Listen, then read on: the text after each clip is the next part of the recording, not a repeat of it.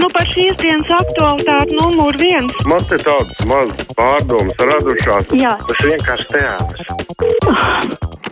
Telefona numurs, kā parasti mums tieši ētrā, tie paši 6722, 888, otrs numurs 672, 559, nu, un kā vienmēr caur mājaslapu arī sūtiet savu ziņu, ko gribat, lai es nolasu. Halo! Jā, lūdzu! um, man liekas, ka ar energo nesēju cenām ir lien, ļoti liela afēra. Uh, kā pēkšņi, uh, mainoties tirgumu austrumos, pazudot Krievijas un Baltkrievijas tirgumu, cenas ceļās 3, 4 un vairāk reizes. Nu, Bet tāpēc, tajā pašā jā. laikā degvielai tikai 50%. Un Tāpēc, ka mēs bijām atkarīgi tikai un vienīgi no Krievijas gāzes, un savukārt elektrību ražojam no gāzes. Un tad, kad nav, nu, tad, protams, tā vispārkārtošanās automātiski Ai, maksā. Piekrītu rakstam X, jāsāk ar vanagas nomaiņu, pēc tam sarunas ar ministriju par reformām izglītības jomā, un tad radīsies arī nauda.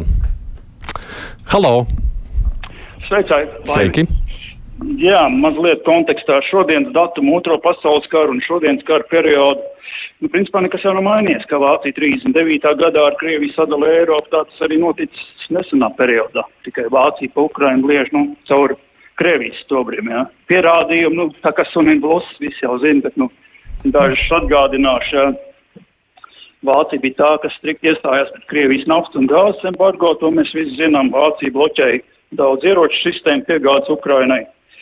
Vācija atcēla savu kontingentu nosūtīšanu Baltijas valstīm, jā. Kategoriski iestājās pret SWIFT atslēgšanu no Kri Krievijas, jā. Starp citu kopā ar Itāliju, kas bija otrā pasaules kara sabiedrotā. Nu, Vācija bija vienīgā valsts Eiropā, kur aizliedz Ukraiņu simboliku 8. maijā.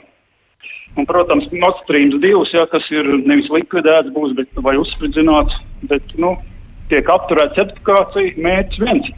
Tik līdz viss noklusīs, tad, nu, turpinās studēt Krie Krievijas ekonomiku, jā. Nu, es esmu optimistiskāks, sakot, ka Vācija mainās. Var jau būt, ka mums katram savs subjektīvs skats uz to. Es domāju, ka kaut lielā mērā daļa no tā, ko jūs teicāt, tā es gribētu cerēt, ir vēsture, un tomēr tā situācija tajā valstī mainās. Man tā gribas domāt. Direktors stāsta, ka ministri nepasaka, ka nav naudas. Tiešām, Dainis, skolotāji nav informēti, ka notiek karš un šis rudens un ziema nebūs viegla. Jā, nu te gan laikam nav runa tikai par šo rudenu un ziemu. Te, protams, ir runa par tālāko termiņu, vairāku gadu skatījumā. Halo! Labdien! Labdien! Es gribēju ru- runāt sakarā ar to pārdaugaus pieminekli. U, ir, ir kāds dzinieks, kas ir teicis, tauta bez vēstures ir tikpat kā koks bez saknēm. Un tas ir mūsu vēstures piemineklis, kultūras piemineklis, tā laika labākie arhitekti, labākie celtnieki, labākie telnieki radīja šādu pieminekli. Un piemineklis ir skaists monuments, ob- obelisks ar zvaigznēm, tiekšanās uz, uz kosmosu, uz zvaigznēm. Aivara gūbja piemineklis ir skaists sievietes tēls. Es nesaprotu, kāpēc mūsu va va valsts valdība grib nojaukt vēstures pieminekli. Nu, vi vispār valdībai vajadzētu strādāt uz celtniecību, uzcelt kaut vai gadu desmitiem runāt to koncertu zāli. Nu, re, cik, es, jā, labi, es teikam nekomentēšu, lai nav man vienam jārunā. Tomsāna kungs, vai jūs šodien esat valdības advokāts? Raksta Linda man. Skolotājiem un mediķiem taču jau gadiem solīt soli, bet nedod. Cik tad var gaidīt? Kariņš taču visiem deklamēja, ka naudas ir vairāk nekā jebkāda. Kur tad ir? Un kas ir ekonomiskāk? Braukāt vienam skolotājam uz trim skolām vai 90 bērniem no trim skolām censties tikt pie viena skolotāja? Halo! Labdien! Labdien! Eh, Šodien Deutsche Welle mājaslapā ir raksts, eh, ka pēc 14. gada Vācija, mūsu Eiropas lokomotīva, ja, dubulto investīcijas Krievijā. Un tagad, piemēram, nu kā viss tas, tās sekas visas tam ir, ja, jo tā ir lokomotīva, kā nekā mēs esam atkarīgi. Un tagad ļoti liels investīcija Ķīnā, un ja kaut kas notiks Ķīnā, Taivāna, tad atkal būs. Mm. Nu, Ķīna varētu būt bijis īstenībā, man liekas, pēdējā laikā tāpēc lielāku raižu objekts bijis starptautiskajā arēnā, kā te vakar sacīja mans viesis, nekā Krievija. Skolotājiem ir jāstreiko, raksta Roberts. Piemēram, Salaspīlī bērnu dārzā pasniedzēji regulāri mainās. Tie, kas paliek regulāri izdeguši, ko tad tādi izdeguši pasniedzēji var iemācīt mūsu bērniem? Vanagu nevajag mainīt, jo viņa dara savu darbu, aizstāv intereses, skolotāja intereses un dara to labi. Ekstroverts. Halo! Labdien! Labdien! Man tāds pavisam piezemēts priekšlikums, vai tie Eiropas pārgudrīši būs atrisinājuši to jautājumu par pulksteņu jurkāšanu uz priekšu uz apakaļ, jo pavisam tuvu tas pirmais oktobrs. Bet par šo tēmu nerunā neviens. Kā, kā jūs domājat? Jurkāsim tos pulksteņus? Mm -hmm, jurkāsim, jurkāsim. Pagaidām tas noteikti nav dienas kārtībā. Man šķiet tā vienošanās tā arī netika palikt, panākt un mainīta. Bet, nu, protams, tas ir jautājums, cik mēs katrs to izjūtam vai ietekmējam. Mēs aizbraucot uz uz Vāciju vai uz Briseli. Vienkārši grib vai negrib mājiņu katru nedēļu tajā brīdī, tīpaši Eiropas parlamenta deputāti paši to pulksteni turp un atpakaļ. Jo, nu, Stunda zūd. Es biju šogad aizbraucis līdz pāri okeānam, reizes septiņas stundas jāmaina. Pēc dažām nedēļām atkal atpakaļ. Tik vienkārši nenāca. Mm, pilnīgi piekrīt skolas direktorai, kas minēja par 11 klašu izglītības apsvēršanu. Lai manam dēlam pazemojoši un vīrišķību degradējoši 19 gadu vecumā nebūtu jāsēž skolas solā, es viņu palaidu pirmajā klasē ar 6 gadu vecumu.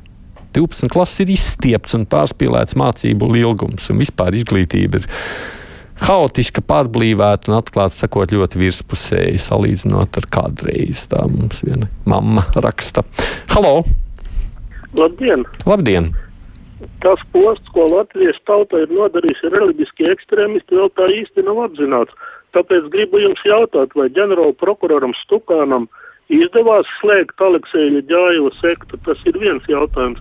Un otrs, kas tad īsti notika septītās dienas adventistu pansionātā Zilais kalns, kur nomira desmit seniori pagājušā gadā. Vai jums beidzot ir kaut kāda skaidrība, ko pateikt sabiedrībai? Kas tur notika? Vai ir kāda izmeklēšana? Jā, nē, nezinu. Es tiešām nezinu neko, bet man vienīgais, ko es zinu, ka šis jau, protams, nebija vienīgais pansionāts, kurā diezgan daudz sirmgalu gāja bojā.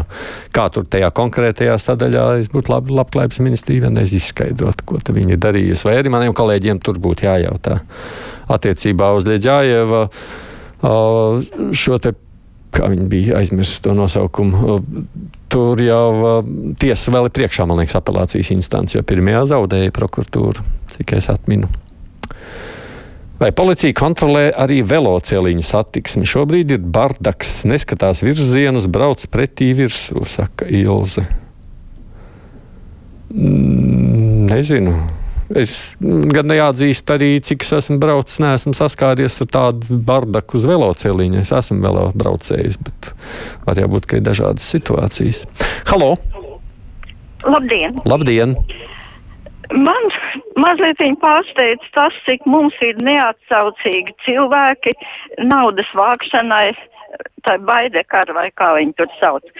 Viņi nepadomā par to, ka, teiksim, tas mums arī draud, kas pašreiz ir Ukrainā, jo viņi nespējas apturēt šo vājprātu. Un ka būtībā mums joprojām tiek pumpēta gāze no Krievijas, tas nozīmē, ka mēs tikpat kā dzeram Ukraiņu bērnu asinis.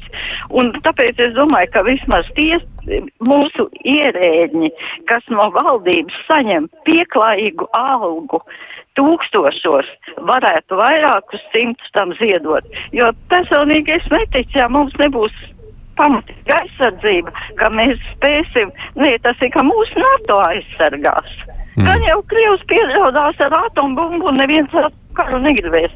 Tāpēc, mīļie cilvēki, labāk ziedojiet, lai to agresoru aptur Ukrainā. Ļu nu jā. Cik tad maksā visdārgākā gāze pasaulē, prasa Kārlis?